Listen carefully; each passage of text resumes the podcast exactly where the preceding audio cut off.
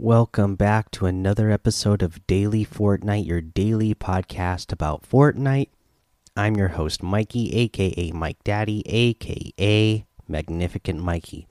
All right, so not a lot of news again today. This weekend, slow news wise, uh, we still have the um, practice tournaments for the search and destroy tournaments going on again still uh, very cool that they're doing these uh, very fun. I don't know if they're trying to uh, you know just come up with the idea that this is going to be something they're going to do more of in the future more of these search and destroy tournaments or what but you know i like it. So you know because yesterday we had the FaZe search and destroy. Today we have the 100 thieves search and destroy.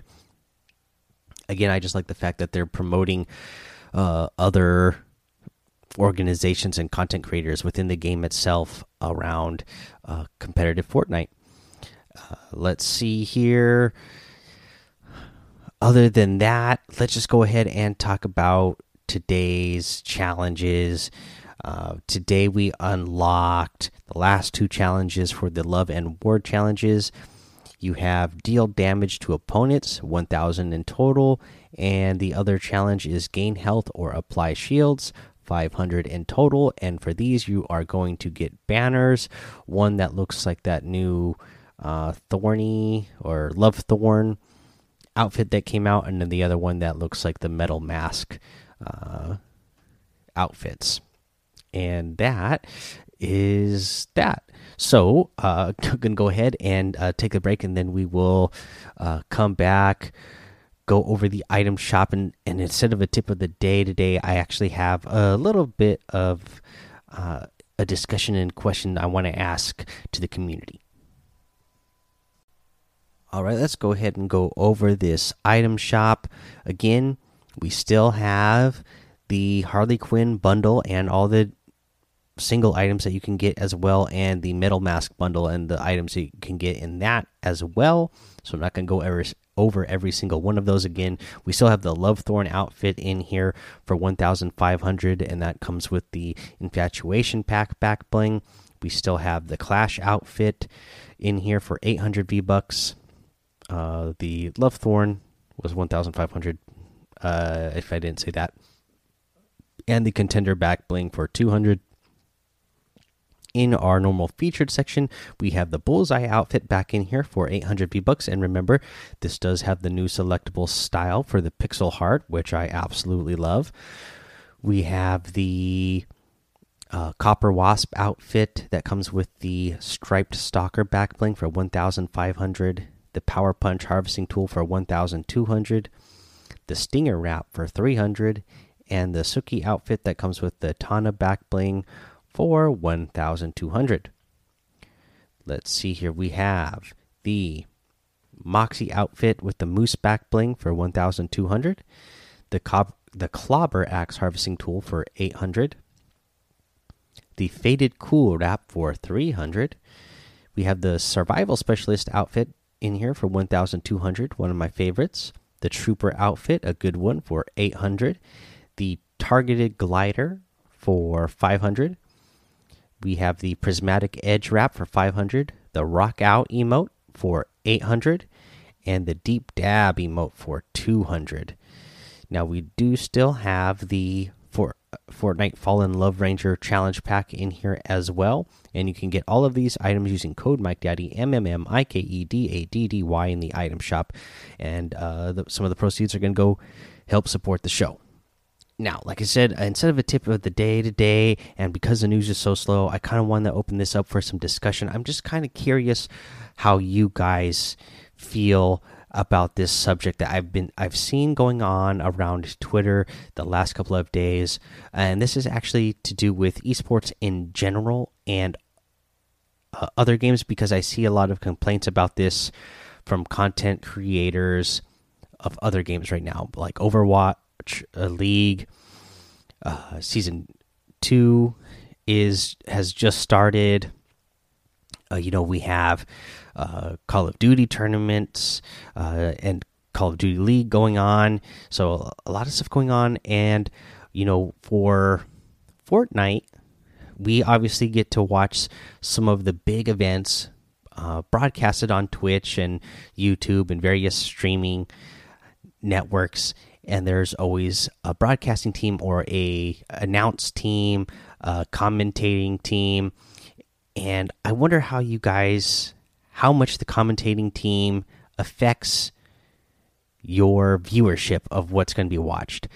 Now, I've seen a couple of content creators feel it feels like they're being a, a little bit self entitled, feeling like because they have a high place in the community that they should just automatically be uh, hired to be commentators for uh, leagues or for events. And at some point, I can also I can also get what some people are saying that you know you want top tier people to be there, you know, quote unquote top tier based on popularity to be there.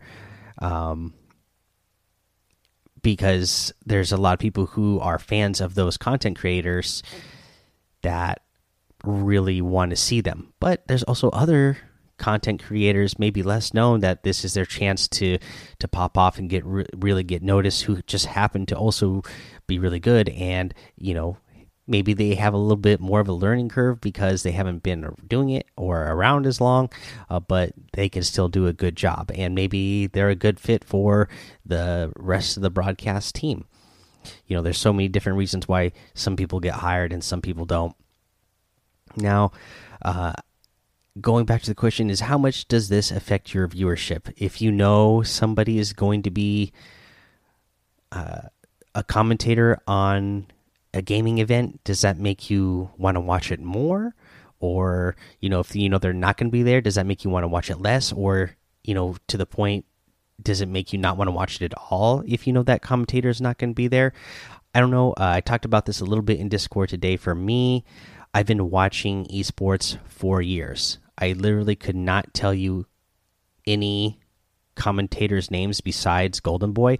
And the only reason why I really knew Golden Boy before I got into Fortnite was because he had uh, trickled out. You know, he had gotten so big that he was, uh, or is, you know, he's in some of the mainstream media as well. He's really transcended just being a uh, video game commentator. Commentator.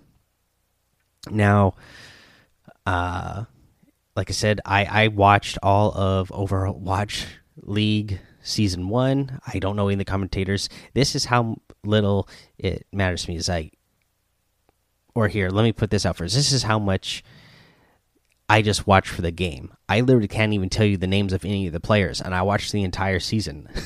I don't know the names of the players. I couldn't tell you names of players that I watched in the past for other esports, such as Halo, Call of Duty, uh, you know, any any of uh, the Evo fighting games that you're going to see. I I don't know the names of any of the players. Even I literally just watched to the game because it's a game that I I enjoy. You know, I couldn't tell you anybody from League of Legends.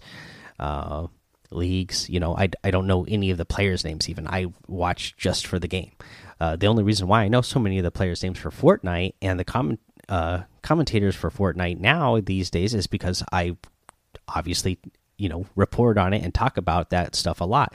So that's why these names stick with me so much more than other esports in the past.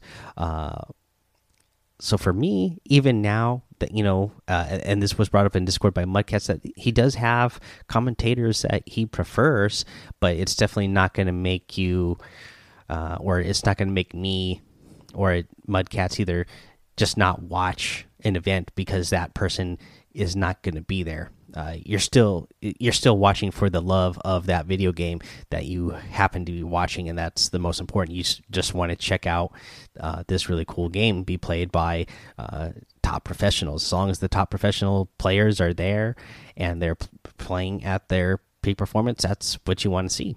So yeah, just kind of curious. Let me know what you guys think in the Discord.